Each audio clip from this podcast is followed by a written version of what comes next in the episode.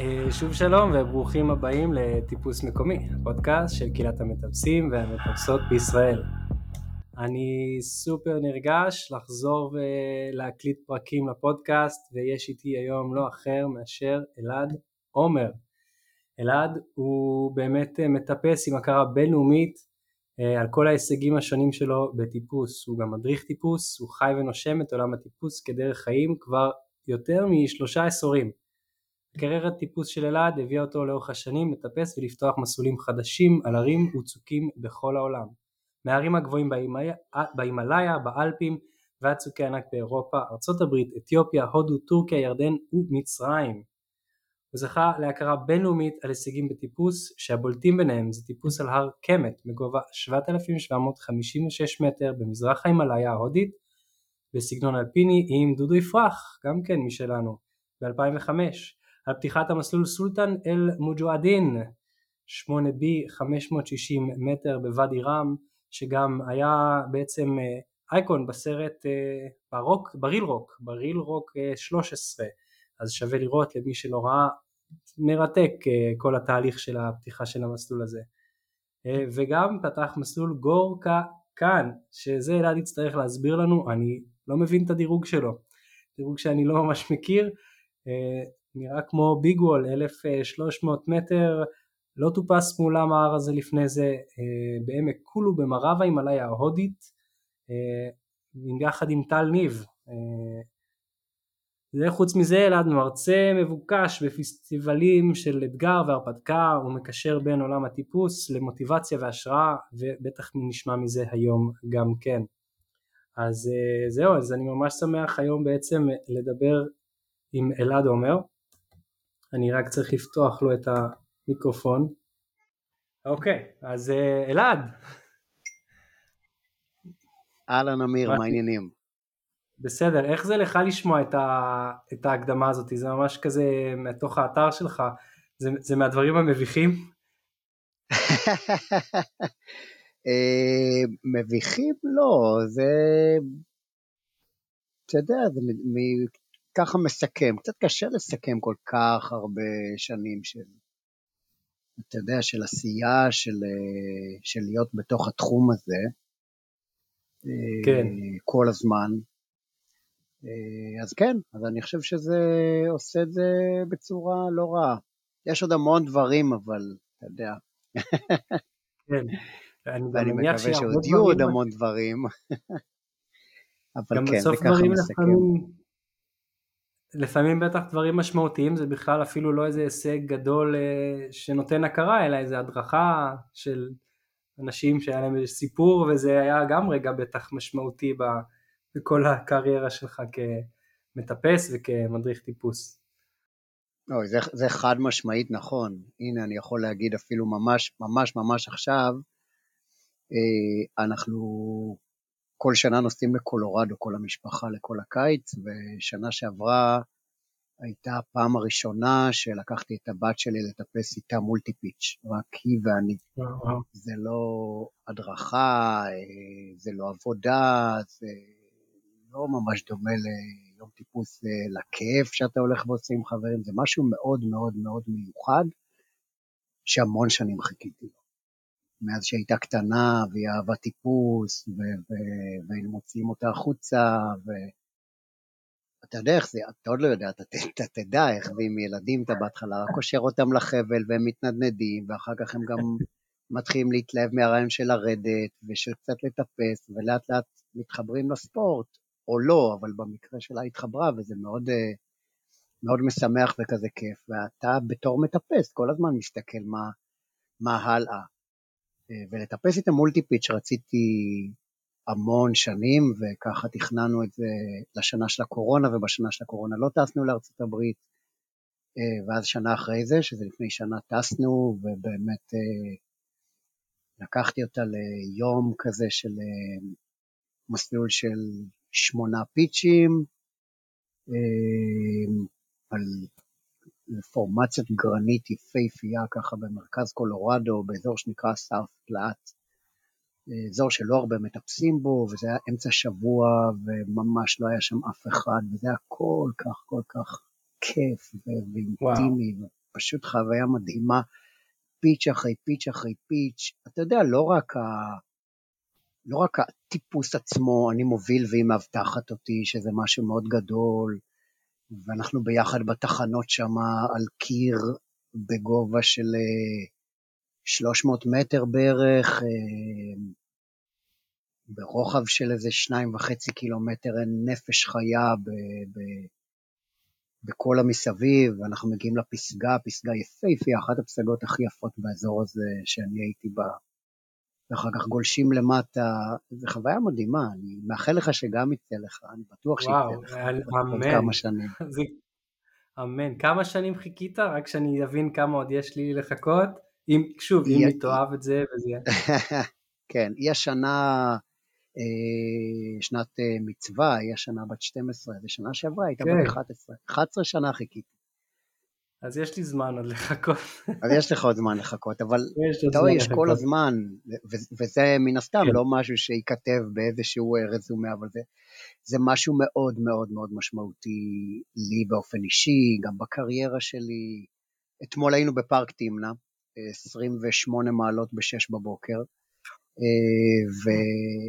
והיא מתחילה להוביל עכשיו על מסלולים שאני פתחתי, אז גם זה דברים מאוד מאוד משמעותיים. קצת משלבים ככה גם את, ה, את התא המשפחתי וגם את האהבה הגדולה שלי, התשוקה הגדולה שלי וגם שלה לטיפוס, אה, וגם קצת קצת את, ה, את העבודה שלי, אז כן, זה דברים גדולים אתה... משמעותיים.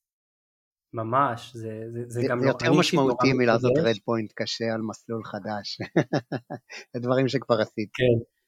אז זה הרבה יותר משמעותי. ספק, אין ספק שלי זה מרגש לשמוע גם מהסיבות האישיות, אבל גם בלי קשר, זה פשוט מרגש כי זה מפגש בין אבא ובת, ו-11 שנה מתפתח, זאת אומרת היה כל כך הרבה כן. רגעים לקראת זה. איך, איך באמת, איך אתה באמת אה, מתמודד עם המורכבות הזאת של שני כובעים, כי יש לך את הכובע גם פה של ה... בסוף של, של האבא, שגם שם גבולות לפעמים, וצד שני גם להדריך אותה, זה שילוב, כאילו אני רק יכול לדמיין, זה שילוב שיכול להיות מאוד, מאוד עדין ומורכב. כן, בהחלט, זה שילוב מורכב, זה שילוב קשה. כשהייתה יותר קטנה, אה, גרנו בקולורדו, אנחנו עברנו לקולורדו בערך כשהיא נולדה. אז היא את השנים הראשונות שלה עשתה שם, אה, והתחילה לטפס בעצם שם, בנבחרת אה, שנקראת ABC, נבחרת אה, שממוקמת בבולדר. היא התחילה בחוג שלה הכי קטנים שם, ואחר כך עלתה לחוג של הקצת יותר גדולים, ואני הקפדתי ממש לא רק שאני לא אדריך אותה, אלא גם שאני לא אהיה בג'ים כשהיא, כשהיא מטפסת, אפשר להגיד מתאמנת, בגיל הזה הם לא ממש מתאמנים, אבל, אבל כשהיא שם והיא צריכה להיות מרוכזת, אה, כי אין ספק שזה יכול להתנגש. אה, וגם כשהיא גדלה, היו מקומות שזה יותר התאים, אה, והיו מקומות שקצת פחות, וכן, זה רגיש, זה עדין, אבל זה, זה באמת, זה, זה מסע שהוא כיף, כיף, כיף גדול, ואז כשאתה מגיע להצלחה כזאת, שאתה עומד איתה, רק אתה והיא על פסגה יפהפייה אה, בקולורדו, אז זה כיף ענק, זו הרגשה שקשה לתאר. זה, אני, אני מקשיב לך ובעצם עולה לי כאילו שאלה שלא קשורה לטיפוס, אבל היא קשורה אליך בטיפוס בעצם.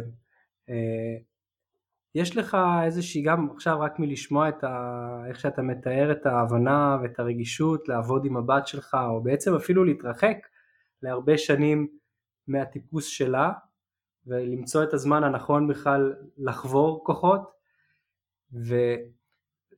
ולפחות איך שאני שומע, זה לא דבר שהוא ברור מאליו, יש לך איזושהי גישה כזאת מאוד, מאוד אנושית ורגישה, מאיפה זה מגיע? כאילו לא, זה לא בהכרח שכל מדריך טיפוס הוא גם רגיש במובן הזה. אז זאת אומרת, מאיפה, מאיפה זה מגיע? זה, זה משהו מהבית? זה... אה, קודם כל, לא כל מדריך טיפוס הוא גם אבא. אה, אני חושב, אני חושב שיש פה שילוב של גם uh, תנאים חיצוניים וגם בטח תכונות אופי, אבל אני גם מטפס, מאוד מאוד מאוד אוהב טיפוס. אני גם מדריך טיפוס, אני עושה את זה לפרנסתי, אני גם מאוד נהנה מזה, ואני גם אבא. ונכון, במקום הזה של, אה, אתה יודע, המקום המאוד ספציפי הזה שאנחנו מדברים עליו עכשיו, של לקחת אה, את הבת שלי וללכת ולטפס איתה, או ביחד, או להדריך אותה, זה כאילו שילוב מאוד עדין בין שלושת הדברים האלה שעכשיו הזכרתי. אבל, אה, אבל כל אחד מהדברים האלה בנפרד, אני פוגש, אני חושב, ביום-יום המון פעמים. אה, אז זה גם עוזר, זה עוזר קצת, אה, בטח לתרגל את זה. אבל זה קצת משהו, אני חושב שאפשר לקשור למה שהביא אותי להדריך טיפוס, או לאיפה שאני היום. כמו שאמרתי, אני גם מאוד אוהב לטפס ואני גם מאוד אוהב להדריך. אני מאוד אוהב ללמד אנשים, אני מאוד אוהב להכיר אנשים, אני מאוד אוהב להיות איתם במקומות האלה שבהם אה, קודם כל הם מאוד רוצים ללמוד את מה שיש ללמד אותם, שזה בשונה ממקצועות אה, הדרכתיים אחרים, שלא תמיד אתה בוחר את האנשים שיהיו איתך, את האורחים שלך, לא תמיד בכלל מעניין אותם מה שאתה רוצה ללמד אותם, תחשוב על מורים בבית ספר, תחשוב לפעמים על מדריכי טיולים בסיטואציות מסוימות. אז, אז אצלי אין את זה, בתחום שלי, או, או בנישה שאני נמצא בה היום, אין את זה. כל מי שנמצא איתי שם, על ההרים או על הצוקים, אה, בסיטואציות האלה מאוד מאוד רוצה אה, לקבל את מה שיש לי לתת לו. ובצד השני יש אותי, שאני מאוד מאוד רוצה אה, לתת וללמד ולאפשר ולהעביר את, ה- את הידע, את הניסיון שיש לי. מין חוויה כזאת שיש בה כל הזמן סינרגיה. אה, וזה חיובי, זה יוצר משהו חיובי.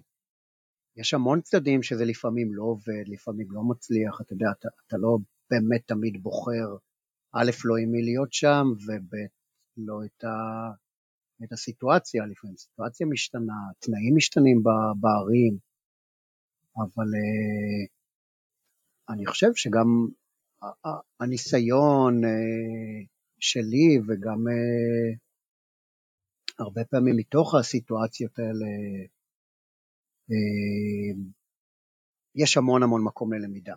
אני רציתי להגיד זה תמיד נגמר טוב, זה ממש לא תמיד נגמר טוב, אבל, אבל יש המון המון מקום ללמידה. גם כשזה נגמר מעולה, נהדר, וגם כשזה נגמר פחות טוב, אה, כל הזמן יש לאן ללמוד ולאן להתפתח. זה אחד הדברים שאני מאוד אוהב בספורט הזה, בתחום הזה שנקרא טיפוס. אה, כשאתה אומר, גם יש המון, כשאתה אומר שיש המון אה, מה, מה ללמוד ולאן להתפתח, זה ממש, גם אתה ממש מתאר את זה כ... ממש כאפוס של, ה, של ההדרכה שלך, זאת אומרת, אתה לא רק מדריך כי, כי אנשים רוצים ללמוד, אתה רוצה גם ממש להשאיר אותם עם דלת פתוחה אחרי זה בסוף, שימשיכו לחקור את הנפלאות של, ה, של התחום ושל העולם, אז אני מניח שאתה לא מתכוון רק לעוד צעד שלמדתי, או משהו כזה, או רק לעוד מכשיר ציוד שלמדתי, אלא זה משהו, כאילו יש פה משהו שאני מנסה לתפוס, שנצליח לתת לו שם, מה זה הדבר הזה ש, שהוא אינסופי שאפשר ללמוד אותו. נכון, זה, זה אף פעם לא הרק. הרק, הנה למדתי איך אה, לעשות דרופני, או הנה למדתי איך אה, לסגור את האצבעות על קרים. אלה דברים מאוד מאוד ספציפיים, אתה יודע, אתה יכול לדבר על טכניקות ספציפיות שקצת עוזרות לשפר טיפוס, אבל גם אם תלמד עכשיו ביוטיוב את כמה טכניקות האלה וזה באמת ישפר אותך, זה לא מה שיגרום לך להמשיך לטפס. אה, ואני רואה את זה המון על מטפסים ש... שאני מכיר, חברים, קולגות אה, וגם כאלה שאני מדריך, בסוף מה ששומר אותך ב... בתחום הזה להרבה שנים זה, זה, זה תשוקה. אמ, נכון, להשתפר וללמוד איך להתייעל בתנועה בטיפוס אמ, עוזר, כי אז אתה פתאום מטפס יותר טוב, פתאום אולי עולה בדירוג, הדירוג פה פחות משנה, אני חושב שאתה פתאום מתחיל להרגיש שאתה נהנה מהספורט. אני תמיד משתמש בזה המון, אני אומר הרבה לאנשים שאני פוגש בהקשר של טיפוס, שיש שלב כזה בכל ספורט. כולנו מכירים את זה מסוגי ספורט אחרים. יש שלב כזה שפתאום ה- הייאוש והסבל והתסכול פתאום הופכים להנאה. בסוגי ספורט שיש את הפלואו, כמו נגיד אה, רכיבה על אופניים או סקי, אז יש את השלב שאתה מי... עובר ממצב שאתה חרד וכל הזמן חושב על התנוחה של הגוף, או נופל או מוריד רגל, פתאום לשלב שאתה כבר זורם. זה מין סוויץ' כזה, שפתאום אתה אומר, וואו, אני נהנה. בטיפוס אני חושב שזה מגיע בשלב שאתה עולה על מסלול, לא משנה אם זה boulder או top rope בתוך הקיר או טרובלו, ופתאום אתה כבר לא נאבק באחיזות או בפחד מהגובה, אתה פתאום זורם למעלה, לא משנה מה הדירוג של המסלול. אתה מסתכל למעלה, לא חושב על הנפילה, ומתחיל לצעוד ומבין, לימדו אותך כל הזמן איך להזיז את הגוף מהאגן ולא מהכתפיים, אבל פתאום הגוף מבין את זה, ופתאום אתה פשוט זז למעלה ומגיע לסוף המסלול, ואתה משוחרר ואתה אומר, וואו, אני עכשיו יודע לטפס. אתה לא אומר עכשיו אני מטפס 5A או 6A או 7A, זה לא חשוב. אתה אומר, וואו, אני, אני ממש נהנה עכשיו מהספורט. ואני חושב שכשהשלב הזה מגיע, אז לפחות באספקט הזה אה, אה, יש הנאה מאוד מאוד גדולה, ואז מתחיל איזשהו מעגל הנאה חיובי כזה, וואו, אני ממש נהנה, עכשיו אני רוצה להתחיל לדחוף, אני כבר לא מפחד ליפול, אני יכול באמת לעשות את הצעד. או אה, אתה יודע, בצד הטכני יותר יש לי מספיק כלים ואני יכול ללכת ולהעז ולטפס מסלולים קצת יותר מחייבים, אבל לטיפוס יש כמה אספקטים. זה לא רק האספקט הפיזי אה, ולא רק האספקט המנטלי, אה, יש גם את הצד הזה של, של להתחבר לטבע, אני חושב, למי שיוצא החוצה. אה, פעם זה היה הרבה יותר נפוץ מהיום, פעם כל מי שהגיע לספורט ורטיקלי, בין השאר גם לטיפוס, הגיע מהטבע. היום זה באמת השתנה, אבל, אה, אבל מי שהגיע, הגיע מאהבה לטבע, ואהבה לטיולים, ואהבה לאיזושהי מידה של חוסר נוחות, שקצת קר וקצת חם, וקצת רעבים, וקצת מפחדים, וקצת צמאים, וקצת מזיעים, וקצת לא נעים, ו- ו- ומתגברים, ואחר כך הולכים הביתה ו- וואו, איזה חוויה מדהימה זאת הייתה. וככה הגיעו לטיפוס. אני חושב שגם בקירות טיפוס, שזו סביבה שהיא מאוד uh, מנוטרת ומאוד בטוחה, גם יש את זה. אולי, אולי בווליום קצת שונה, אולי לא באותן עוצמות, אבל, אבל גם יש את זה. אתה במודע מכניס את עצמך לחוויה, שעכשיו אתה יודע שהולך להיות לך לא כיף קצת.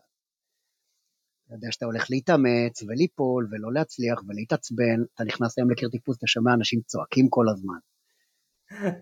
ואנשים אה, זורקים את הנעליים, ואנשים מתעצבנים, וזה אותם אנשים שיחזרו לקיר פעם אחרי פעם אחרי פעם, ויצליחו, אז הם גם עוברים איזשהו תהליך כזה. אה,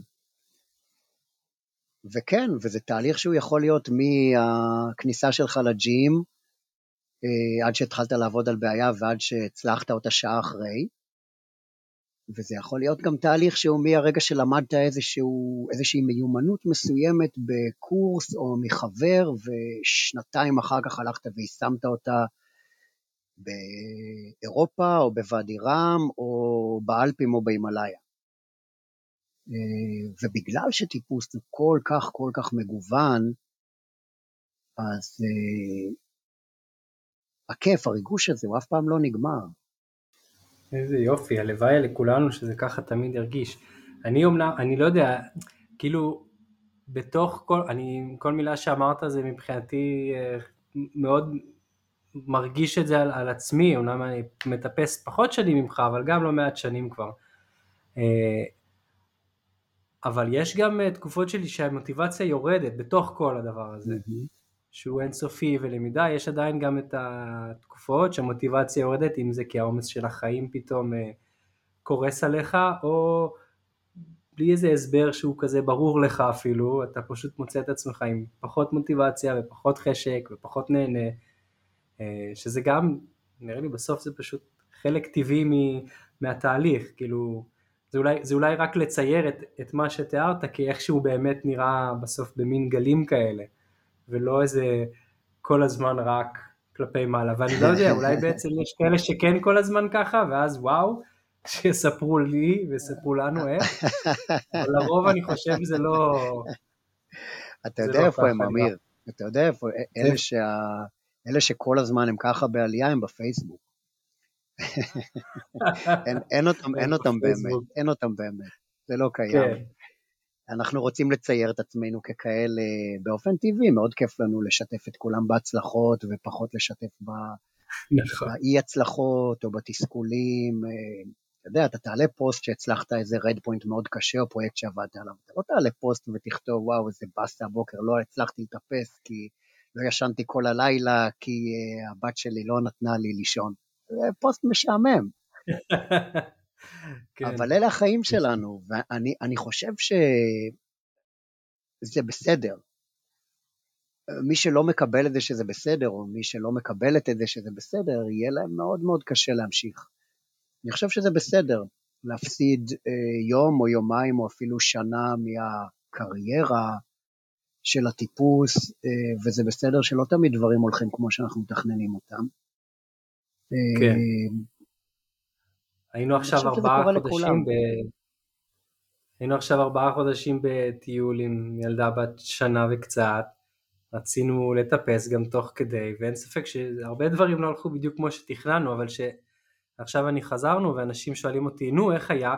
אני פשוט לא מוצא את הדרך לענות על זה, כי כאילו היה מדהים והיה נפלא, אבל גם היו רגעים קשים ומתסכלים, שהגענו עד למצוק, ואז פתאום הילדה לא, לא מתאים לה, הוא צריך לחזור, זאת אומרת, זה, זה היה כל כך הרבה דברים, שאני לא יכול להגיד אם זה היה טוב או זה היה כיף, זה היה הרבה, זה היה גם מאוד כיף. זה היה הניצנים האלה ש, שנתנו לנו תקווה שבגיל 12 או 11 נוכל לעשות איתה כבר גם מולטי פיץ'. את הבולדר הראשון היא כבר עשתה, אז אנחנו לפחות בעניין הזה רגועים. אתה רואה את הצעד הראשון היא עשתה. כן, כן, זה היה נורא מרגש. זה לא האמנתי כמה שהתרגשתי שהיא טיפסה על איזה סלע קטן. נכון. זה מפתיע. נכון, והריגוש הזה עשה את היום שלך מדהים, לא הרד פוינט שעשית או שטל עשתה באותו יום, הריגוש הזה עשה את היום שלך מדהים. אני מודה אה, שבאותו יום גם אנחנו התרגשנו, היינו באתר טיפוס של אוף ווית', שלא יוצא כל יום להגיע לדבר כזה, וזאת הייתה חוויה, חוויה מלמדת, אגב, ללמוד.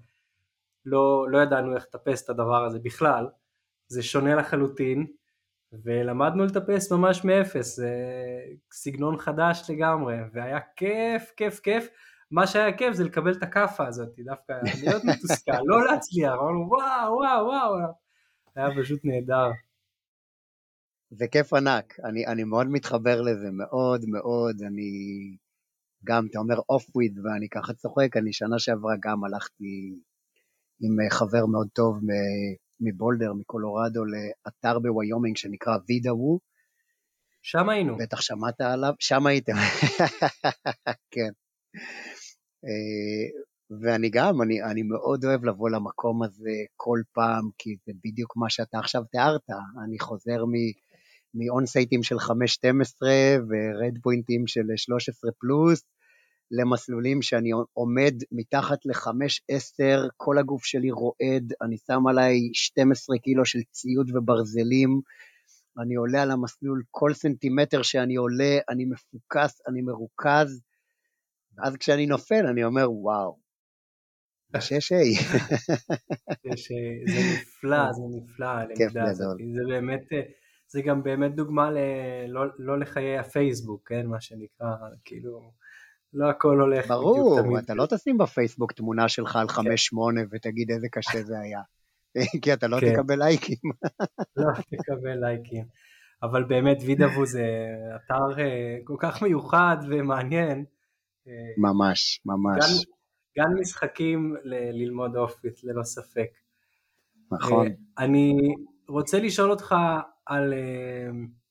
כאילו יש לך, יש שני פרויקטים שעשית בעצם, שגם אתה אמרת לי שאתה ככה גאה בהם במיוחד, אחד מהם אני, האמת, לא, לא שמעתי עליו וגם אני אפילו לא יודע להבין את הדירוג, אתה תסביר לי עוד רגע. והשני הוא, הוא כבר בעצם אפילו מפורסם, אה, כשהיינו עכשיו בארצות הברית כמה אנשים אפילו אמרו לי, אה, רגע, אתה מכיר את הבחור שטיפס, איך קוראים לו, אלעד? אמרנו, כן, כן, בטח. אז זה כמובן הסולטן אל מוג'והדין, אני אומר את זה נכון? מוג'הדין, לא מוג'הדין, כן. מוג'הדין. זה, אתה יודע, זה מתיישב להרבה אנשים ככה, לא, לא, לא עובר להם חלק בגרון, המילה מוג'הדין.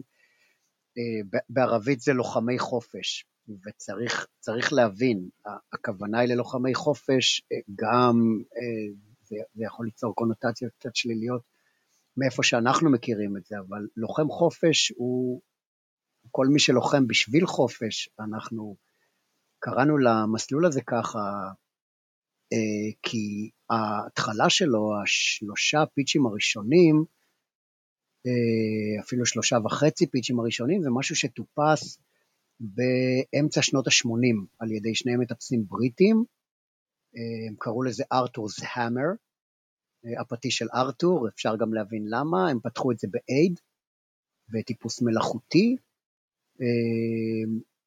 ונתנו לזה דירוג של 6CA2, שבעצם 6C זה דירוג free climbing, זה דירוג כמו שאנחנו מכירים. צרפתי? וה-A2 אומר ש... כן, זה דירוג צרפתי. ו-A2 אומר שעל הקטעים שלא היה אפשר לטפס, ושהם לא יכלו לטפס בפרי, בסגנון חופשי, אה, הם התגברו בעזרת טיפוס מלאכותי, עם אה, פיתונים שהם תקעו והתחברו אליהם עם סולמות וככה התקדמו. אה, אז זה הדירוג שהמסלול קיבל, 6CA2. הרבה פעמים כשאתה מסתכל על מסלול שיש לו גם דירוג free וגם דירוג aid, בשונה ממסלולים שהם רק מדורגים aid, ואז אתה יודע שבאמת כנראה שאין מה לעשות שם, אבל מסלולים כאלה שהם משולבים, אתה אומר, יכול להיות שאפשר לטפס את זה בפרי. אה, אוקיי, אז הם טיפסו 6C, ויכול להיות ש-6C זה היה בערך הגבול שלהם, או אולי קצת יותר, והמקטע הזה שהם לא הצליחו הוא בטח יותר קשה. אבל אם הוא 7A או 7C או 8A או אולי 9A, אתה לא יכול לדעת. זה ככה משהו שישר מדליק את הדמיון, אתה אומר וואו, זה מסלול שטיפסו לפני אה, יותר מ-30 שנה בסגנון מעורב של free ו-aid, אולי אפשר לעשות אותו בפרי לגמרי. אה, כמה שנים לפני זה, ב-2010, אה, טיפסתי, הייתי הראשון לטפס, עשיתי מה שנקרא FFA, the first free ascent, הראשון לטפס בסגנון חופשי, מסלול שנקרא Towering Inferno בוואדי רם. זה בעצם ההמשך של האינפרנו, כן, כולם מכירים בוואדי רם את האינפרנו, זה שלושה פיצ'ים יפהפיים, יפהפיים, יפהפיים, קלאסיקה בדירוג 6B בוואדי רם, אני חושב שכל מי ש... או רוב מי ששומע אותנו עכשיו אה, ומבין עברית והיה בוואדי רם, טיפס את המסלול הזה ויסכים איתי, מדובר באחד המסלולים באמת הכי הכי יפים בדירוג הזה. אה, וזה שלושה פיצ'ים, אבל המסלול ממשיך. כשהמסלול נפתח, אה, גם בשנות ה-80, אז הוא המשיך עוד ארבעה פיצ'ים למעלה, רק שבפיצ'ים האלה השתמשו הרבה ב-aid. אה, ואותו הם דירגו, את המסלול הזה הם דירגו 6BA1, שזה אומר aid climbing קצת יותר קל, שזה כבר יכול לרמז על זה שאולי יותר קל לעשות אותו בפרי, אבל גם פה עליתי עליו ולא ידעתי אם, ה, אם ה-A1 יהיה, ידעתי שזה יותר קשה מ-6B, לא ידעתי אם זה יהיה 6C או 7A או 8A. אה, ידעתי שזה ילך, כי, כי דיבר איתי ג'ון אהרן, מטפס בריטי שכבר היה על המסלול ואמר שזה נראה לו לגמרי הולך בפרי, אבל, אבל כמה קשה לא ידעתי זה יהיה, וזה באמת אה, יצא, זה קצת יותר קשה, זה יצא בערך 7B, אני חושב, אה, מאוד ככה run out אה, ועם אופי מאוד, אה, מאוד מחייב, מאוד שונה מהשלושה פיצ'ים הראשונים, אבל הלך. וזאת הייתה הצלחה שככה, דיברנו קודם על מעגל הנאה חיובי, אז אצלי ככה הניע תקופה מאוד יפה ב-2010, שאחריה באתי לוואדי רם עוד ועוד ועוד כדי לטפס מסלולים אה, יותר קשים ולפתוח מסלולים חדשים. והסולטן היה קו שהסתכלתי עליו במשך המון שנים. טיפסתי את ארתורס המר באייד, והסתכלתי על אותם קטעים שבאמת אתה עומד שם על סולם, מחובר לריתמה, ותוקע פיתון עם פטיש, ומעביר את המשקל אל הפיתון, ועולה למעלה, ותוקע עוד פיתון מעליו, ואתה מסתכל על הקיר, ועל האחיזות, ועל כל מיני קרימפים כאלה בצדדים, ועל הטקסטורה של הסלע, ואתה אומר, וואו, בטוח אפשר לטפס את זה בפרי, זה נראה באמת מאוד מאוד קשה, אבל זה בטוח ילך. אתה יודע, גם הפיתונים שאתה תוקע הם מן הסתם חוסמים לך אחיזות ידיים, ו- והמון זמן זה היה לי בראש, המסלול הזה.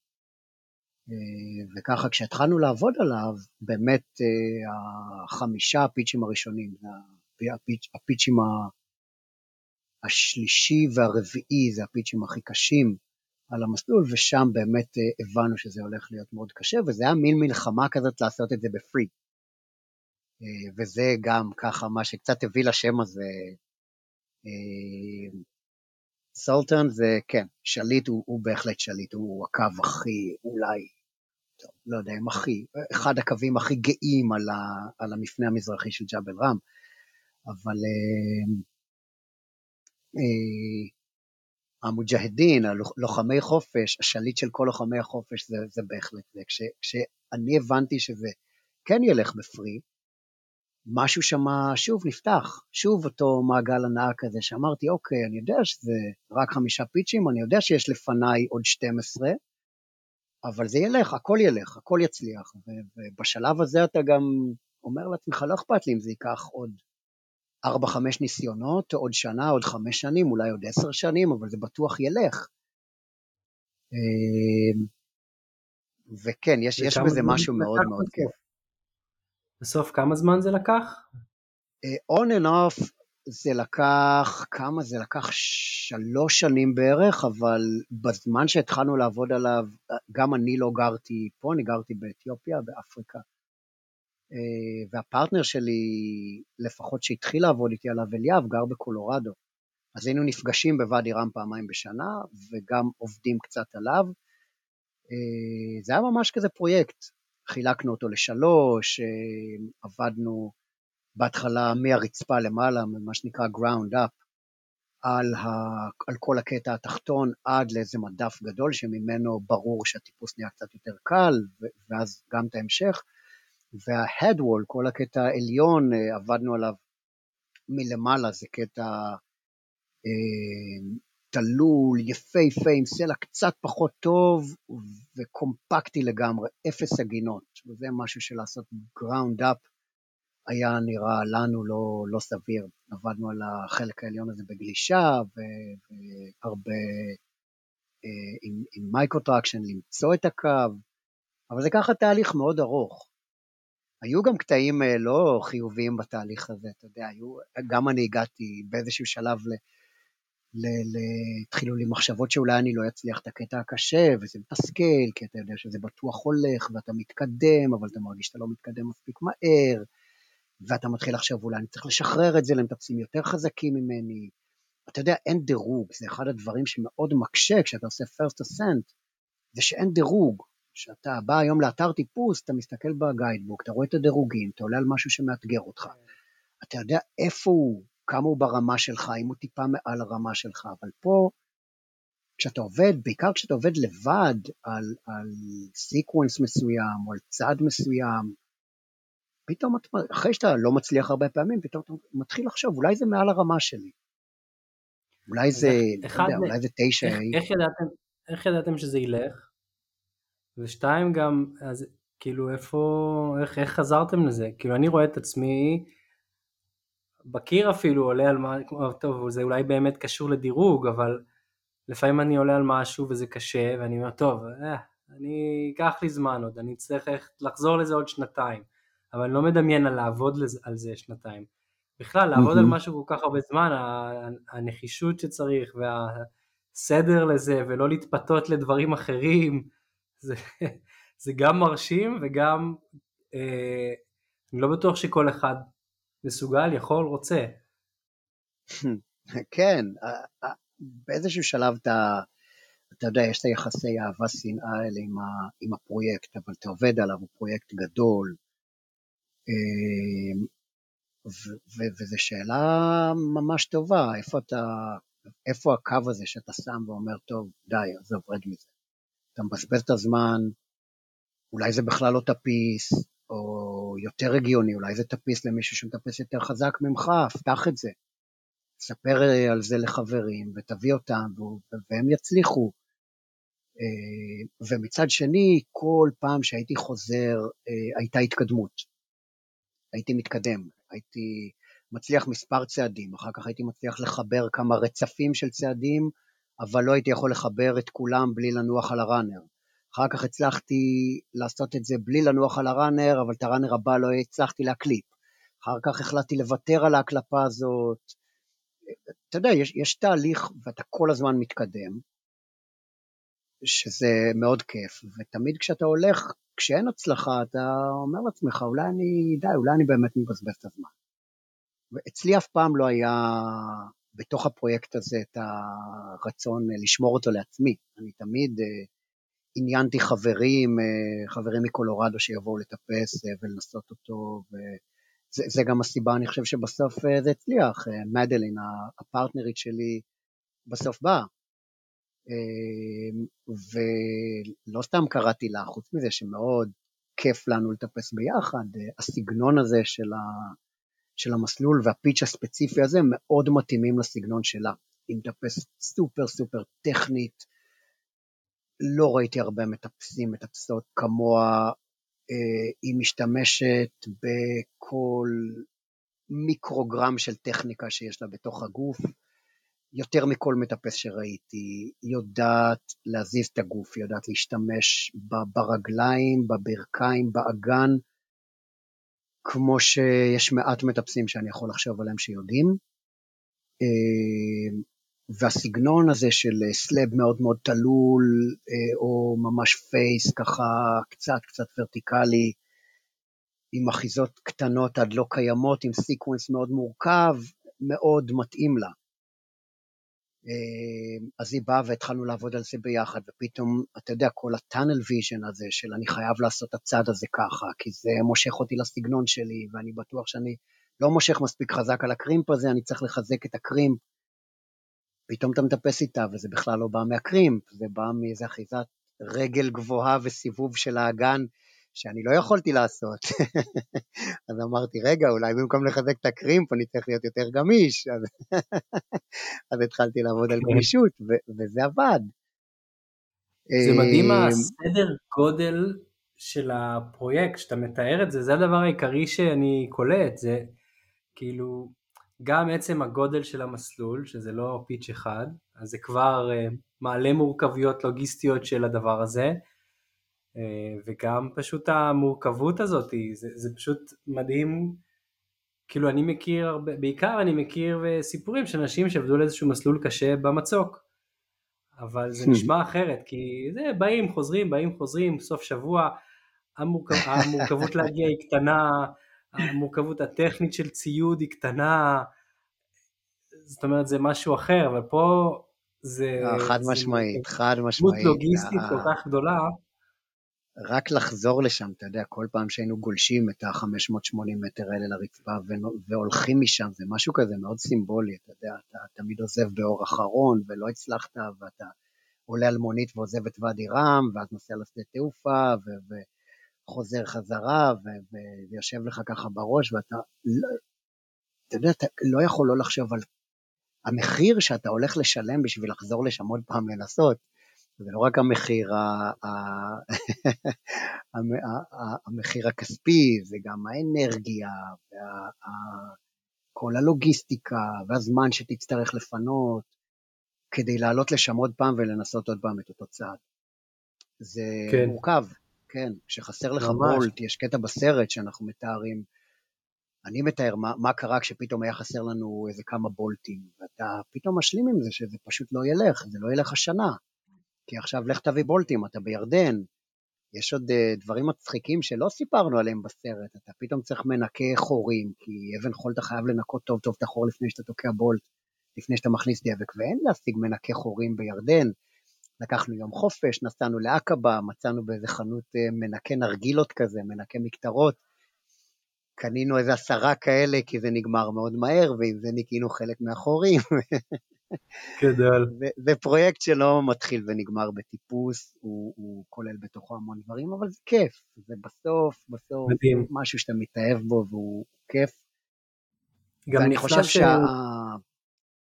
אני חושב שהשינוי הגדול שמוציא מהמקומות, אותי לפחות, מהמקום הזה של אולי, אולי אני אעזוב את זה, אולי אני סתם מבזבז פה את הזמן, זה שאתה מבין שזה גם יהיה בסדר אם זה לא יצליח. אני חושב שזה אצלי היה המקום שבו אמרתי, אוקיי, אני, אני נותן הכל, אני מנסה הכל, ו... ויכול להיות שזה לא יצליח. עשינו כאן משהו מדהים, אני מאוד נהניתי מכל שנייה. הייתי עושה את הכל עוד פעם, שוב, ונשאיר את המסלול ונכתוב שיש pitch אחד או כמה צעדים שלא הצלחנו, נעשה אותם ב-aid, נמשוך על הבולטים ונשאיר את זה למי שיבוא אחרינו. ואני חושב שאחרי השלב הזה פתאום הכל נהיה הרבה יותר קל. מהרגע ש, שקרה לי במוח ה switch הזה, אני חושב שמבחינת mindset עברתי ממקום של אני לא חוזר לשם יותר, למקום שחיברתי את המסלול בתוך שבוע בערך. מגניב, מדהים. איזה יופי, וזה גם הכל אה, באמת שווה לראות את הסרט, זה עשוי, הסרט עשוי טוב, ערוך נחמד, כאילו בהחלט שווה. אני... מחמאות, אני מחמאות להנה טיילר, מחמאות יאללה, לצלמת. להנה טיילר. Uh, כן, ובכלל מגניב היה גם uh, לי כישראלי בכלל לראות ש... אתה יודע, כמה שזה נדוש ואני לא מנסה לספח אותך אלינו, אבל שמישהו משלנו כזה מישראל אה, מופיע בריל רוק זה בכל זאת מרשים ונחמד ומיוחד ושם אותנו איפשהו בתוך הקהילה הגדולה הזאתי וזה כיף להרגיש חלק מזה אה, ללא ספק, אז תודה לך על זה גם. אה, אבל יש לך פה עוד משהו שרשמת ואני פשוט סקרן, ככה נעשה את זה בקצרה כדי שנספיק לדבר על עוד דברים, אבל שנה אחרי זה, כנראה עם הרבה משוב חיובי, טיפסת גם את גור קקן, אוזן הסוס. גורי קקן. גורי קקן, כן. והדירוג של זה, אני רק את השש-A מבין, כל שאר הדירוגים זה כנראה על, על פיני שאין לי R ו-X אני מבין, גם את זה אני מבין, אבל אין לי מושג מה זה אני מניח, AI, זה AI 4? או מה זה? לא, AI, AI זה אלפיין אייס. זה דירוג טיפוס קרח, ו-M זה דירוג מיקס, אבל אתה יודע, הדירוגים האלה הם באמת, אוקיי. הם די כן. הופכים לחסרי חשיבות. הרבה שואלים, כשאתה הולך ועושה first ascent על מסלול, אתה יודע, השאלה הראשונה של רוב המטפסים באופן טבעי תהיה כמה זה קשה. הם מחפשים רפרנס. ואם תגיד להם 5A או 6A או 7A או 8A, אז, אז, אז יהיה להם איזשהו רפרנס לדעת כמה זה קשה. והרבה פעמים כשאתה הולך ומתרחק מ...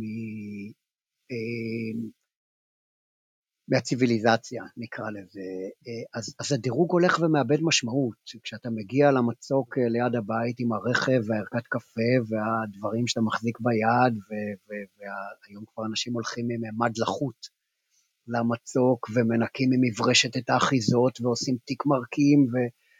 אז, אז אתה שם דגש מאוד גדול על האספקט. הייתי שק מגנזיום מחומם. הנה, תראה, אתה רואה, זה אני, זה אני לא מכיר. אבל כל, כל, כל העזרים האלה, אני לא מזלזל בהם, אני חושב שהם דוחפים את הספורט שלנו קדימה, והם שמים דגש מאוד גדול על, ה, על הצד הספורטיבי, האתלטי. אה, ברגע שאתה מתחיל להתרחק משם ומוסיף עוד מורכבויות על הטיפוס, תחשוב על, אתה יודע, על קיר שכולל חציית קרחון בתוכו, עכשיו אתה כבר לא, תוותר על הערכת קפה, כי אתה צריך ציוד בשביל לחצות קרחון, אה, ואתה גם צריך לדעת איך לחצות קרחון. ותחשוב על אה, מסלול כזה שנמצא לא במרחק של יום הליכה על קרחון, אלא במרחק של שבוע הליכה, אז אתה כבר צריך עוד מלא מלא מלא לוגיסטיקה. ו- ו- ואם בכלל עד להגיע לסלע יש לך מקטעי טיפוס שלג וקרח, הדירוגים האלה שעליהם דיברת. אה, אז כשאתה מגיע לאותה חתיכת סלע, אתה כבר אחרי שבוע בחוץ, אה, לא אכלת טוב ולא ישנת טוב, אתה עייף, אתה, אתה מותש, אתה מפוחד, אה, יורד עליך שלג, עוד, עוד המון דברים יכולים לגרום, שגורמים לך להמון המון אי נוחות, ועכשיו יש מולך איזה חתיכת סלע עם קרים פה וקרים שם ואיזה סדק, ולדרג את החתיכת סלע הזאת, 6C או 7A או 7B, זה כל כך לא רלוונטי. אה, או, או, או, זה אותו דבר אה, מיושם גם בשלג וקרח, להגיד אם המדרון הזה היה 60 מעלות או 70 מעלות, אם המקטע מ-X היה M4 או M5. הדברים האלה כל כך מאבדים משמעות לדעתי כשהם בערים. הדירוג הזה הופך להיות ממש, מה שפעם היו דירוגים אגב גם בסלע, ממש איזושהי נקודת ציון כזאת. של זה בערך הקושי, זה הגובה, הגובה הוא תמיד אובייקטיבי, 1,300 מטר זה מתחילת המסלול לפסגה, עם זה אי אפשר לשחק. אבל מה עברת בתוך ה-1,300 מטר האלה בדיוק מבחינת קושי, זה משהו שא', כמעט בלתי אפשרי לתיאור, וב', אני חושב שהוא גם קצת, קצת מאבד מהרלוונטיות שלו. וזה חשוב לזכור כשבאים, בטח כשבאים לדרג מסלול כזה, וגם כשבאים לחזור על מסלול כזה, הדירוגים האלה ממש ככה רפרנס קטן לציון. אתה יודע, דיברנו על הסולטן אל-מוג'הדין, אז, אז שני המטפסים הצ'כים שעלו עליו, אה, באותו שבוע ש, שאני טיפסתי אותו, הם כמובן שאלו וביקשו רשות ולקחו טופואים ו- וניסו ועבדו יומיים על המסלול, ואחד מהם הצליח לחבר את הפיץ' הקשה, וישר שאלתי אותו, מה אתה חושב, מה הדירוג? אז הוא מיד בא ואמר לי, תשמע, אם היו מורידים את זה לרצפה ושמים את זה בתור סינגל פיץ' באתר ספורטיבי, זה היה ככה. אבל אי אפשר באמת לדרג ככה. אה, ואני מאוד מסכים עם זה, וזה בסך הכל הפיץ' הרביעי בוואדי רם, יש לך רבע שעה הליכה אל תחילת המצוק ואתה מתחיל לטפס. כשאנחנו מדברים על ההימאליה, אנחנו מדברים על קנה מידה לגמרי לגמרי אחר. אז, אה, אז הדיוק הזה של הדירוגים הוא באמת, הוא צריך, צריך לא לקחת אותו יותר מדי קשה. אתה יודע, בטח דירוג של קרח ושלג, שהוא משהו שממש יכול להשתנות מעונה לעונה. אה, קרח לא תמיד נוצר אותו דבר, קרח אלפיני אולי כן, אבל הוא, הוא לא נוצר, הוא כבר נמצא שם, אבל הוא יכול מאוד להתכסות בשלג, ויכול להיות ששנה אחת אתה בכלל לא תגיע אליו, ואתה תטפס על מדרון שלג. איזה, תן לנו איזה רפרנס אחר מלבד הדירוגים האלה, ככה רק כדי שנבין את, את סדר הגודל ואת ההרפתקה של המסלול הזה, של הפסגה הזאת. אני, אני מאוד אוהב את הדירוג הראשון, הדירוג שאתה רואה שם מצד שמאל בספרות רומיות, זה דירוג מחויבות. כן. אה, אוקיי. שהוא מתחיל באחד והיום אפילו ממשיך עד שמונה. אה, זה אומר כמה המסלול הוא מחייב. כמה המסלול מחייב אומר כמה קשה להגיע אליו, למצוא אותו, לטפס אותו גם, ומה המשמעות של לא להצליח אותו. אם אפשר לרדת ממנו, כמה מורכב לרדת ממנו, כמה מסוכן לרדת ממנו, ודירוג מחויבות לא בהכרח, או, או בהכרח לא, לוקח בתוכו את הדירוג קושי. יכול להיות מסלול בדירוג 8C עם דירוג מחויבות 1. סינגל פיץ' באנפרה, לצורך העניין. אמ, או סינגל פיץ' עם הגינות מאוד טובות בווידאבו. יהיה מדורג, לא יודע, 7C או 8C או, או 5C, לא משנה, עם דירוג מחויבות אחד. ברגע שזה נהיה יותר מזה, אה, אז הדירוג מחויבות עולה. שלוש זה ככה ציון אה, של מסלול שבדרך כלל לוקח בערך חצי יום למטפסים אה, מנוסים ש... שלא קופצים גבוה מעל הפופיק, שעושים משהו שהוא ברמה שלהם. ארבע זה כבר משהו שלוקח יום שלם למטפסים שהם ברמה של המסלול. חמש זה פעם היה סטנדרט ליום פלוס, לילה. היום רוב המטפסים המודרניים, הטובים, היציבים, עושים מסלולים בדירוג חמש ביום, אבל זה יום מאוד ארוך, יום שלם ארוך. שש היום זה כבר הסטנדרט למסלול שלא משלימים ביום. אה, אתה רואה, אני קצת אה, ככה מגמגם, כי אני חושב על המסלולים בדירוג 6 אה, שאלכס הונולד עושה בכמה שעות ביוסמתי, וגם לי יצא לעשות מסלול בדירוג 6, מסלולים בדירוג 6 בפחות מיום, אבל זה יום מאוד מאוד מאוד ארוך וזה מאוד מאוד קשה. 6 זה כבר די סטנדרט של מי שעולה על מסלול בדירוג 6 יודע שהוא מתחייב לאיזושהי הרפתקה שתיקח יותר מיום. אבל זה רק וזה עולה, זה ממשיך לשבע ולשמונה. נכון. זה, זה כן. בלי האפרוץ'. אוקיי. זה, זה, מה, ש, זה מה שלוקח לטפס אותו, כן.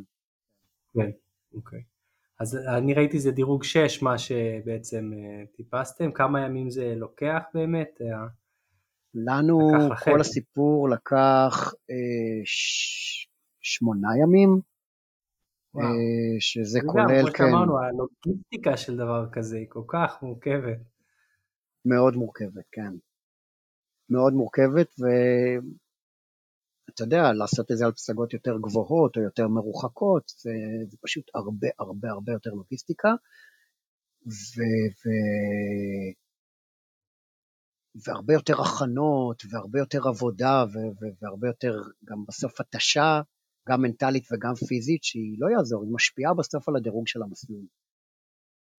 אז, אז, אז, אז אני חושב שהם כן שונים, שני מסלולים באותו דירוג, קושי אחד שממוקם במרחק של שבוע הליכה על מצוק גבוה בהימאליה, והשני שממוקם בעין פארה, למרות שאובייקטיבית הצעדים יכולים להיות בדיוק אותם צעדים, המסלולים בסוף הם שונים, וחשוב לזכור את זה. ו... פשוט חוויות שונות. כן, אין ספק, אני רק מלשמוע אותך מדבר על זה, אני, אני מרגיש עד כמה זה מרגיש לי אחרת. אה, אה, לי לא יצא לעשות אה, דברים כאלה, אבל אין ספק אולי עוד שזה... יצא. אולי עוד יצא, אולי עוד יצא. עשיתי כמה דברים אלפינים וכמה פסגות, ניסינו להרים לפסגה, אבל לא...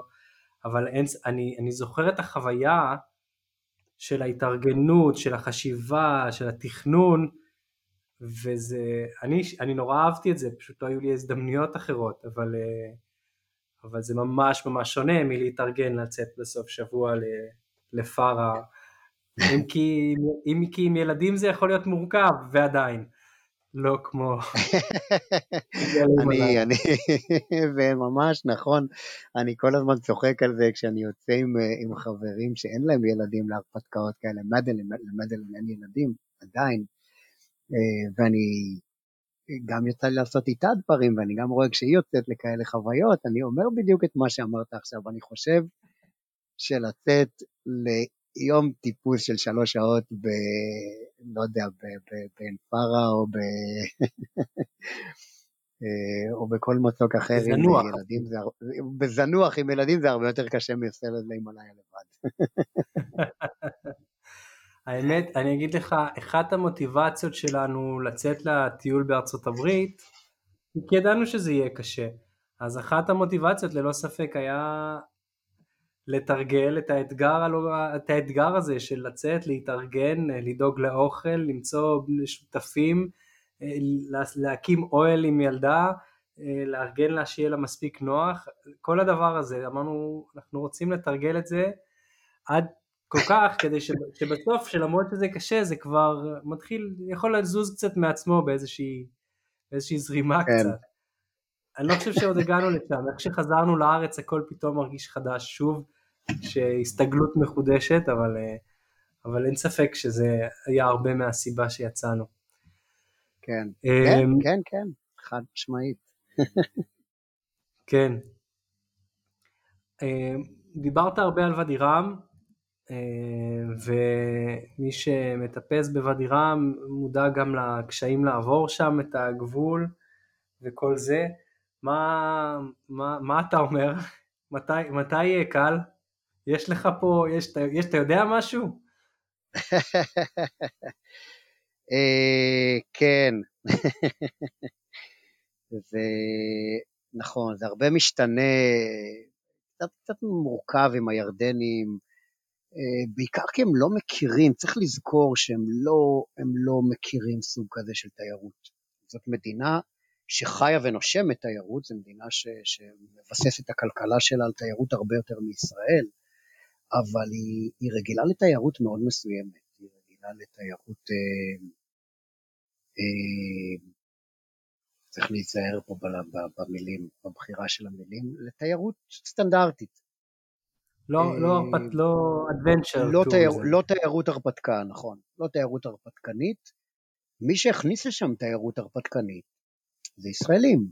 ישראלים אה, גילו שם את הקניונים אה, במואב ובאדום ש... שמחייבים שימוש בחבלים, וישראלים גילו שם עוד כמה ערוצי נחלים שהירדנים, לא היה להם שום סיבה להיכנס אליהם. הם, הם, הם לא בשלב הזה, הם, המנטליות שלהם היא, היא לא, עדיין לא במקום הזה, ה-recreational, כמו שיש פה בארץ, של ללכת ולטייל לכיף.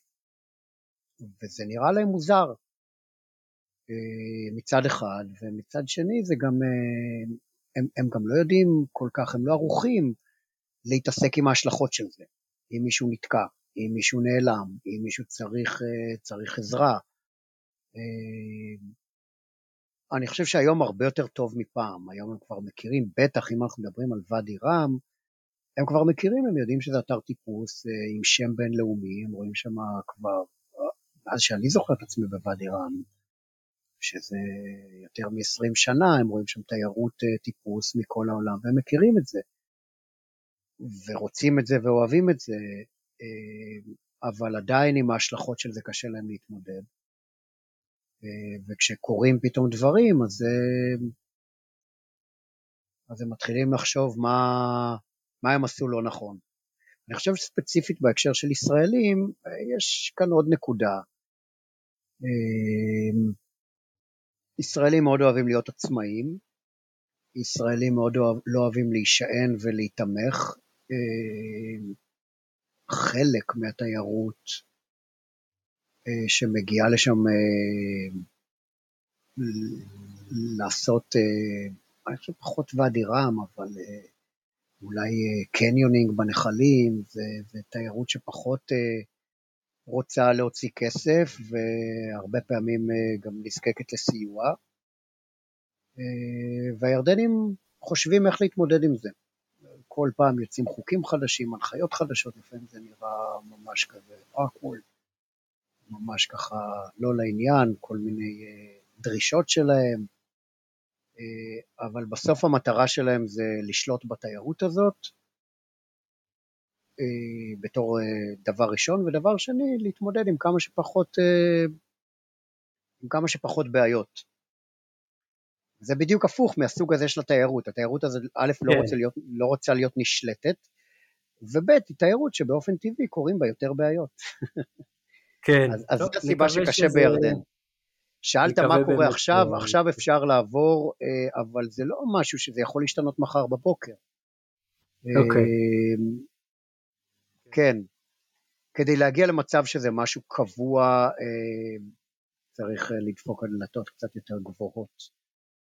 אני עובד על זה, אני עובד על זה כבר קצת זמן, עם הצלחות, עם כישלונות, עם... אה, וגם המון תסכולים, אבל אני מאמין שזה יקרה, לא יודע אם בתקופה שלי, אבל אני מאמין שזה יקרה. אני חושב שאנחנו הולכים למקום טוב, אני חושב גם שהקורונה עשתה מאוד מאוד מאוד טוב לירדן, זו הסיבה שהיום אפשר לעבור, הם פשוט רוצים כל תייר בתחומי המדינה, הם קיבלו החלטה כזאת שכל תייר בתחומי המדינה, הם רוצים כמובן עד גבול מסוים, אבל, אה, אבל הם כרגע לא יעצרו אה, מטפסים מלעבור. אבל מה יקרה עוד חודש אחרי שיעברו לשם כמה אנשים שישקרו ולא ילכו לאן שהם אמרו שהם הולכים ותקרה להם איזה תאונה ו...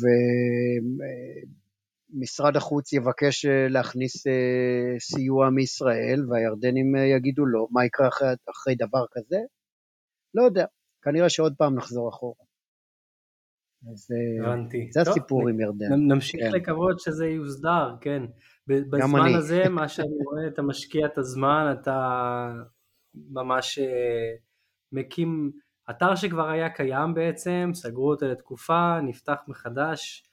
בגרסה משודרגת עם עוד המון מסלולים חדשים, עם המולטי פיץ' הראשון, אה, אה, וכשהייתי שם רק סיפרת לי שתכנון הוא לפתוח שם עוד הרבה מסלולים נוספים, אני כמובן מדבר על, על, על, על פארק תמנע.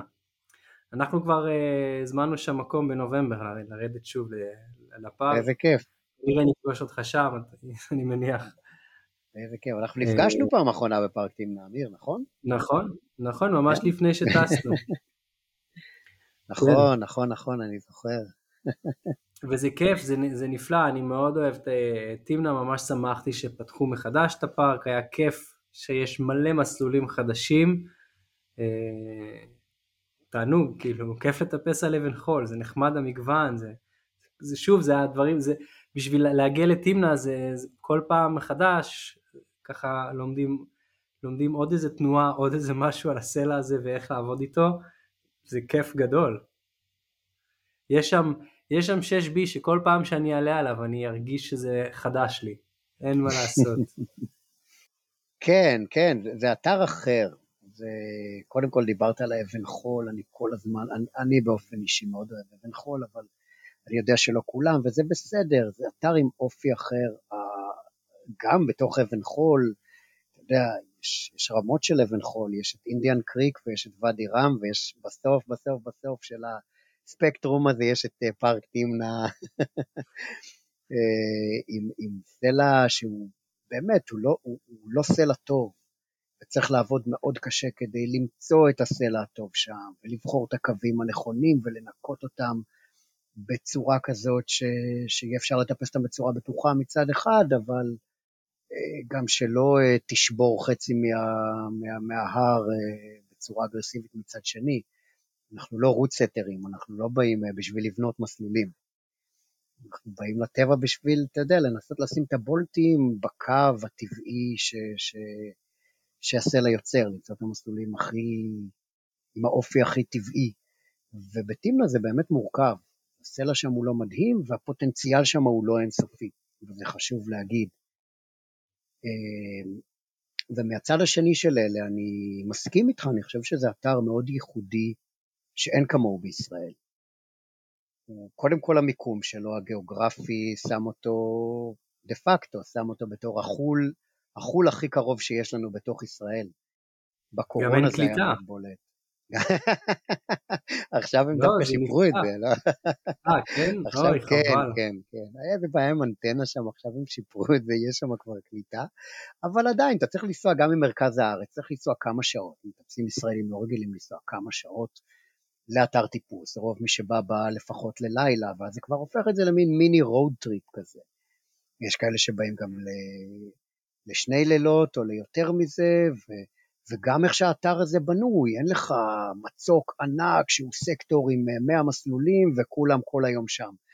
יש לך פה עשרה מסלולים, שם עוד שלושה, שם עוד חמישה, בצד השני עוד עשרה. אז ככה, זה גם מחייב אותך לזוז, או במשך היום, או בין הימים לעבור לאזורים שונים, ללכת בין המסלולים, זה קצת מוסיף, ל, אני חושב, לאופי של האתר, שאני מאוד מאוד אוהב.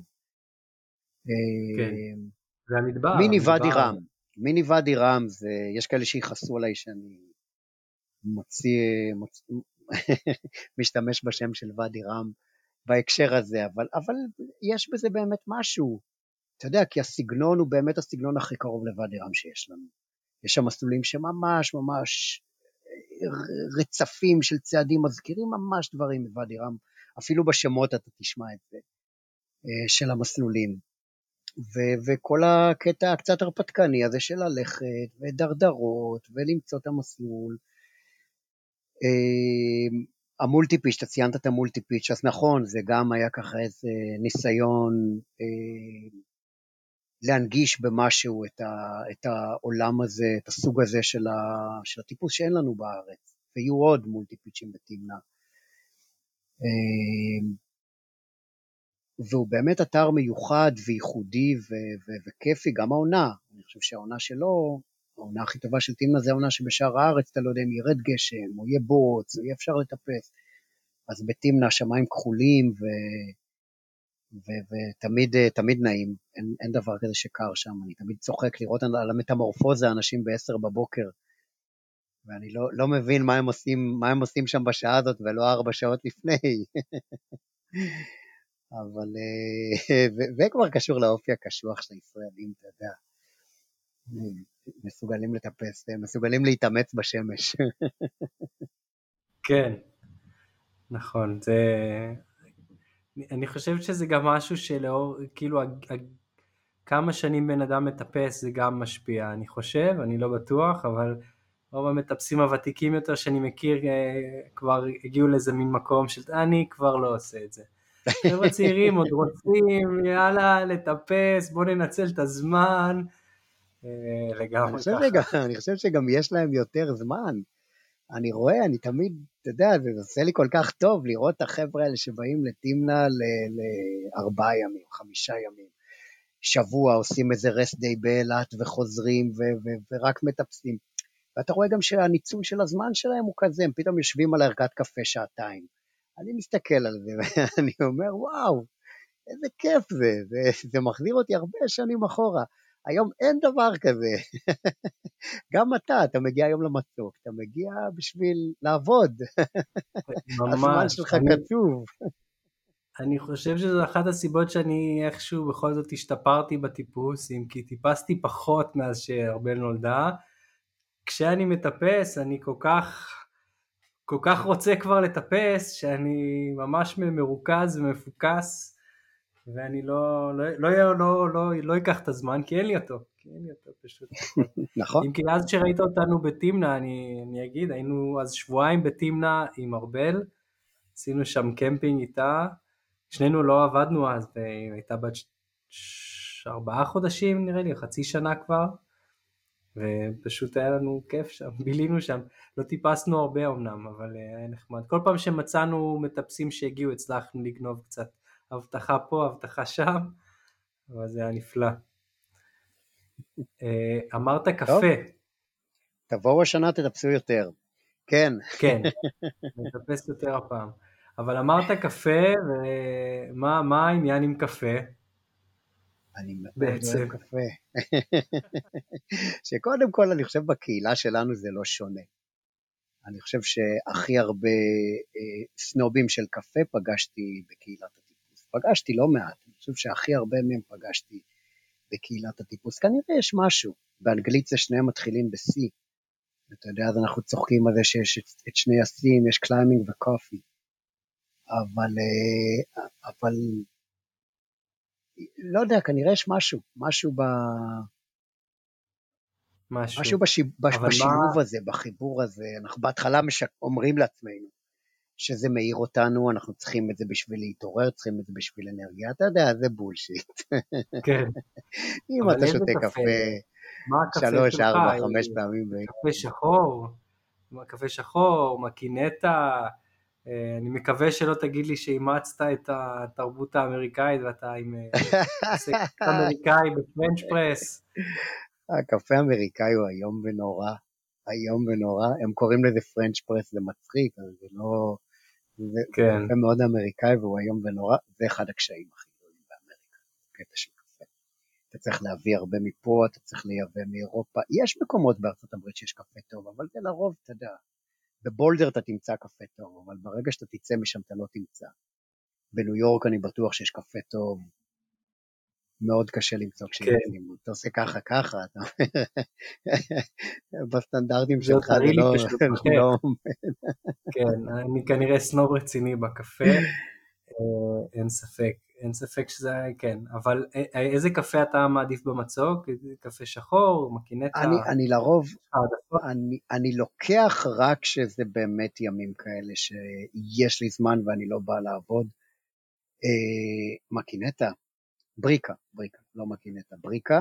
מישהו תיקן אותי בריקה. בזמן, אמר לי שבריקה זה לא מקינטה, למרות שהן דומות.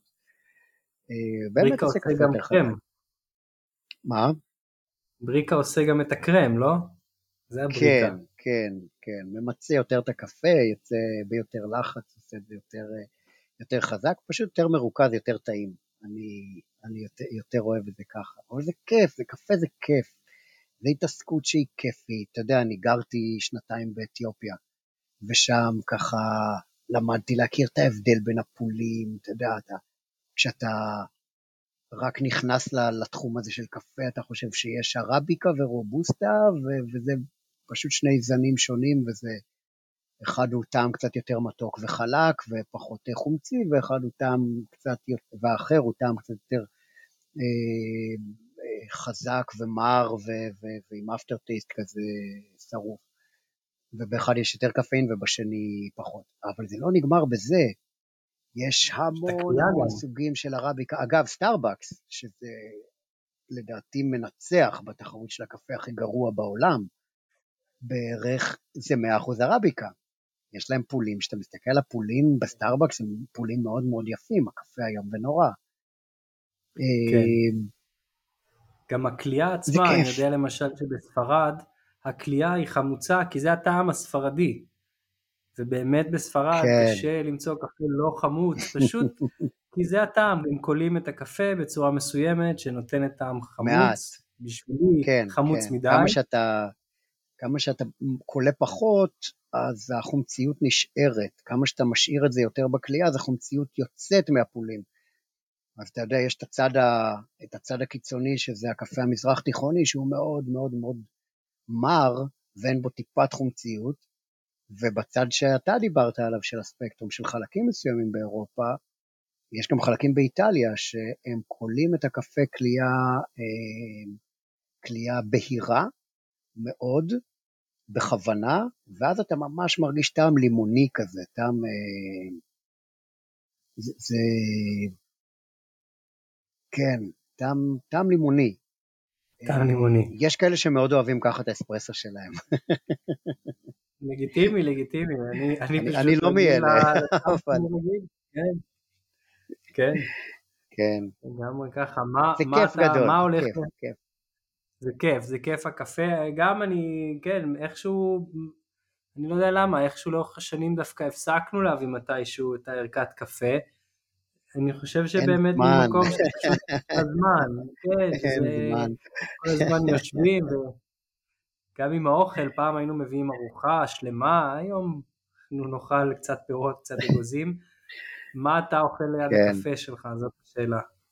אני לא, אני לא אוכל ליד הקפה. אני, כשאני, צריך, כשאני מרגיש שאני צריך קפה, שזה, עוד פעם אני אומר, זה בולשיט, אני רוצה קפה, אני לא צריך קפה. אז זה uh, כזה השוט הזה של האספרסו, שני שוטים וזהו, אני לא, לא צריך לידו אוכל. Uh, אני במצוק לא כל כך אוכל. אני, אבל יש לך איזה חטיף טוב כזה? לטיפוס? יום טיפוס ארוך אני אוכל משהו בבוקר, משהו קל בבוקר. Uh, הסוד שלי זה תפוח ירוק עם חמת בוטנים. זה... תפוח ירוק? וואלה. כן, כן, כן. זה יכול לקחת אותך ל... ל...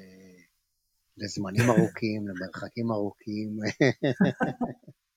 יש בזה כל מה שאני צריך, יש בזה. כן, אתה מכין כן, בראש או שאתה מביא קופסה ומורח? אם אני לא על קיר, אם אני מטפס עכשיו על קיר עם תיק על הגב, אני לא אביא איתי צנצנת חמת בוטנים, אבל אה, אז, אז זה יהיה בסנדוויץ', אבל, אה, אבל אם אני מגיע למצוק, כן, תפוח ירוק עם צנצנת קטנה, קצת שם עליו חמת בוטנים, וזה... תנסה את זה, זה מדהים. זה, זה נותן לך כל מה שאתה צריך, זה מספיק מתוק אבל לא מתוק מדי. האמת שזה נשמע לי טוב, אני אנסה את זה. אני אוהב, אני אוהב תפוחים, אני אוהב חמת בוטנים, נשמע לי שילוב הנה. מנצח. כן, אבל ת, תחפש חמת כן. בוטנים טובה, זאת, זאת שאין בה אה, כלום חוץ מבוטנים, וקצת מלח. מלח, אוקיי. אוקיי. כן, כן. יאללה, יש המלצה. אני מתישהו יוציא פה ספר מתכונים, נראה לי, רק מהפודקאסט, עם כל המתכונים שאנשים הציעו. היה פה כל מיני דברים מעניינים לאורך, לאורך הפרקים. יאללה, שלי, שלי ינצח, בתור אוכל המצוק. אני, אני רואה אנשים שמגיעים למצוק עם ממש ארוחה, אתה יודע, פותחים כזה שולחן כן, ומוציאים. אני לא מבין איך עושים את זה. לא, אני לא מבין את זה. אני מסתכל מה הם אוכלים, אני אומר, וואו, אם, אם הייתי אוכל את זה, אני, זהו, היום שלי היה נגמר. הייתי נשכב על הרצפה כן. ולא יכול לזוז שעות. והם אוכלים את זה וקמים וחוזרים אה, לפרויקט כן, שלהם, אתה חושב, וואו. אתה חושב שזה הגיל שלנו? מה, למה זה? כאילו באמת, אני מרגיש בדיוק אותו דבר, אני רואה אנשים אוכלים ארוחות, איך הם עושים את זה? מה זה? פסטה, לא, לא סתם ארוחה, פסטה. כן. איך אתם זזמים אחרי זה? כן, יכול להיות שאנחנו כבר לא בגיל שאנחנו יכולים לאכול באמצע היום, או באמצע פעילות, אני לא יודע, זה לא בהכרח רע. אתה יודע, אני, אני, אני מרגיש שאני מאוד מקשיב לגוף. מאכיל אותו כשהוא מבקש, אבל אה, ביום טיפוס ארוך הוא פשוט לא, הוא לא מבקש. אז כן, זה כמוך, בדיוק, איזה חטיף, איזה חטיף אנרגיה, תפוח ירוק עם חמת בוטנים וזהו, זה יכול להחזיק אותי כל היום.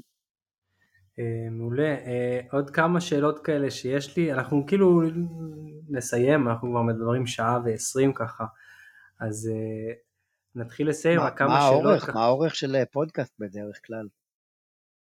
זה, הפורמט נקרא פורמט פתוח, ולכן זה לא, אם מבחינתי היינו ממשיכים לדבר, היה אפשר גם ארוך יותר, אבל לרוב אני מנסה בכל זאת להשאיר את זה סביב האזור השעה, קצת פחות, קצת יותר, זה, מבחינתי זה בסדר.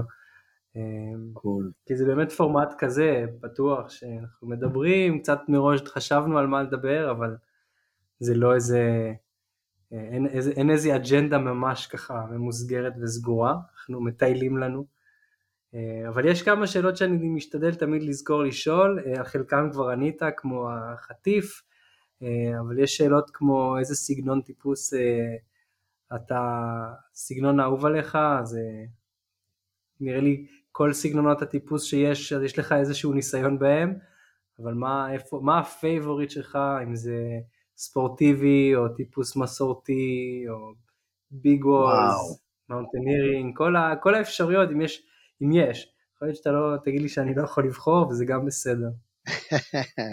זה, זה קשה, כי אני, אני מאוד מרגיש שכל אחד מהסגנונות האלה ממש תורם לאחר. אתה יודע, זה ברור לכולם ש bouldering תורם לטיפוס ספורטיבי, ו bouldering וטיפוס ספורטיבי תורמים ל trad, זה, פה אני לא מחדש כלום.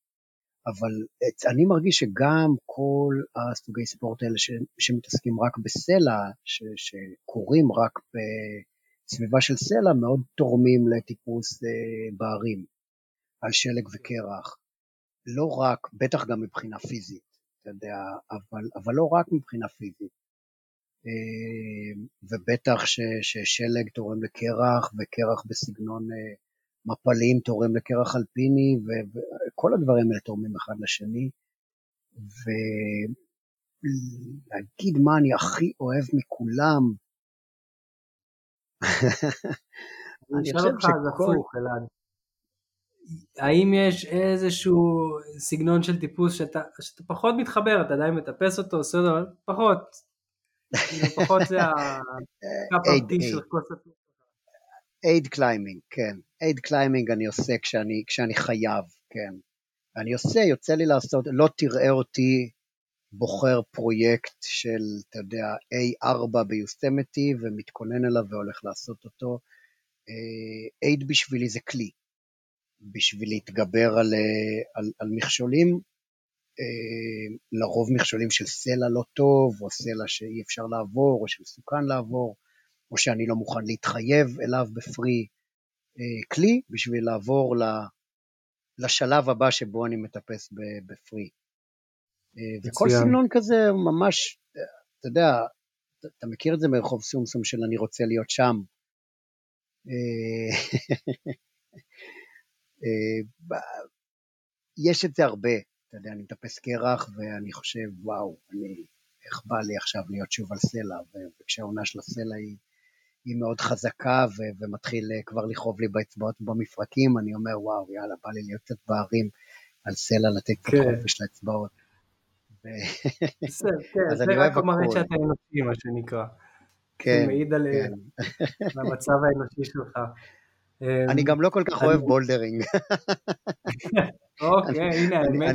אני מקווה שאני... אני לא מסתבך פה עם חלק מהאנשים שמכירים אותי, שאני אוהב.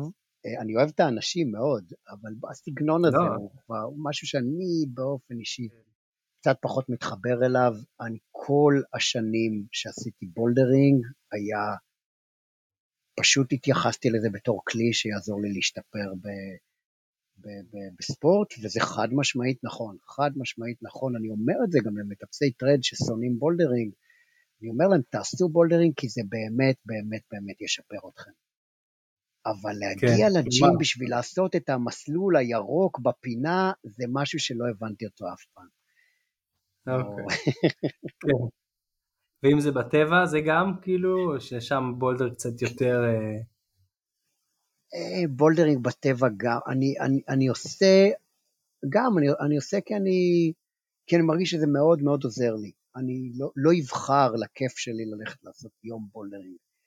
זה commitment מאוד נמוך, זה, יש בזה משהו אה, שהוא באמת כיף, אתה יכול לעבוד, מבודד ככה את ה... שוב, את הצד הספורטיבי, אתלטי של הטיפוס, אתה יכול לעבוד על אותו צד, מהרצפה עם הטוסיק על המזרון, אה, בתנאים האופטימליים, כשלא בא לך על זה אתה הולך הביתה, אפס commitment, המון המון מחויבות בצד האתלטי, אבל רק את זה בתור נישה, מה שזה ממש נהיה בשנים האחרונות, אני רואה אנשים מטפסים מאוד מאוד מאוד חזקים שעושים רק bouldering. זה משהו שאני, לי, לי קשה להתחבר אליו. אוקיי. Okay. Um, מעבר לסגנונות האלה, אם אנחנו רק מסתכלים על הזוויות, slab, face או שלילי, יש לך שם איזושהי העדפה? כן, slightly overhang. זה הזווית שאני overhang. הכי אוהב, כן, 10 מעלות, 15 מעלות. אה, okay. אני חושב שהמסלולים הכי, לפחות הכי מעניינים שאני טיפסתי, היו בזווית הזאת. זו זווית שעדיין אתה יכול להחזיק אחיזות מאוד מאוד מאוד קטנות ולזוז בין האחיזות רק בעזרת הגוף, אה, שאין בזוויות יותר אה, שליליות, לפחות לא ברמה שאני מטפס. אה, ובזוויות קצת יותר חיוביות זה כבר הופך להיות ממש הרבה יותר על הרגליים. זה, זה, זה, זה זווית שאני אני באופן אישי חושב שהיא הזווית הכי מעניינת לטיפוס. מצוין. אבל אני גם מאוד מאוד מאוד אוהב סלאבים ומאוד אוהב פייסים. כן, כל מה שהוא יותר תלול מ-15 מעלות אני כבר uh, בשנים האחרונות משתדל לא, לא לעשות, לא, לא, לפחות לא רצפים ארוכים, אתה יודע, צעד, שניים, שלוש, חמש, בסדר. לא, מסלולי תקרה כבר לא. פחות ה... אה, מה מצוק אה, הבית שלך כרגע? פארק תמנע, אני גר בקיבוץ קופית בערבה, זה 20 דקות כן. מתמנע. כן, זה גם, גם אינסנטיב ככה לפתח אותו ולהוציא את המיטב מהמצוק הזה. כן. מצוק, מהאתר הזה, זה לא מצוק אחד. כן, מאתר תמנע. אני חושב שיש אולי עוד איזה, אה, אני נזכר בעוד שאלה שהולכת שם ברצף הזה, יש כאלה משפטים של החיים זה כמו שוקולד, כי טה טה טה, אנחנו עושים את זה בגרסת הטיפוס, זה, הטיפוס זה כמו וואה. אסוציאטיבי. החיים, החיים, ממש. טיפוס זה כמו החיים. כי? אתה דיברת קודם על ההרצאות שאני אה, נותן, אני המון מדבר על המקבילים, המקבילות. אה, מקבילים, אני חושב שיש בין אה, טיפוס לבין, בין אתגרים בטיפוס לאתגרים אה, שיש לכל אחד בחיים. אה, והדרך אה, להתמודד איתם, ו... וממש, והפידבקים שאנחנו מקבלים, הריג'קטים מהצלחות ומכישלונות, וזה זה, זה, זה משהו שאני רואה המון, המון המון קווים מקבילים. בין אתגרים בכל דבר לבין אתגרים בטיפוס, חד משמעית, כן, כן. כאילו, אני, כן, אנחנו כל הזמן... הקבלה שמאוד אהבתי, מישהו, מישהו עכשיו השנה אמר לי, אני, אני לא שמעתי את זה לפני זה, אה, על הקטע של, אה, של נפילות בטיפוס, שזה מאוד דומה לחיים, שיש אה, באמת קטעים בטיפוס שבהם אסור לך ליפול. ויש מקומות שאתה יכול ליפול והנפילה הזאת לא תסתיים טוב. ושבטיפוס כמו בחיים צריך לדעת איך לקום אחרי הנפילות האלה ואיך להמשיך ואיך ללמוד מהם. אה, וזה דבר קטן, אתה יודע, נפילה ספורטיבית, נפילה בטיפוס ספורטיבי, לא צריך לרוץ עכשיו לנפילות גדולות ומפחידות במסלולים אה, מחייבים. אבל זה, אתה יודע, זו הקבלה מאוד יפה. יש, יש באמת בטיפוס, כמו בחיים, אה, מקומות שבהם צריך לדעת איפה ליפול ואיך ליפול, ויש מקומות שאסור ליפול. נכון.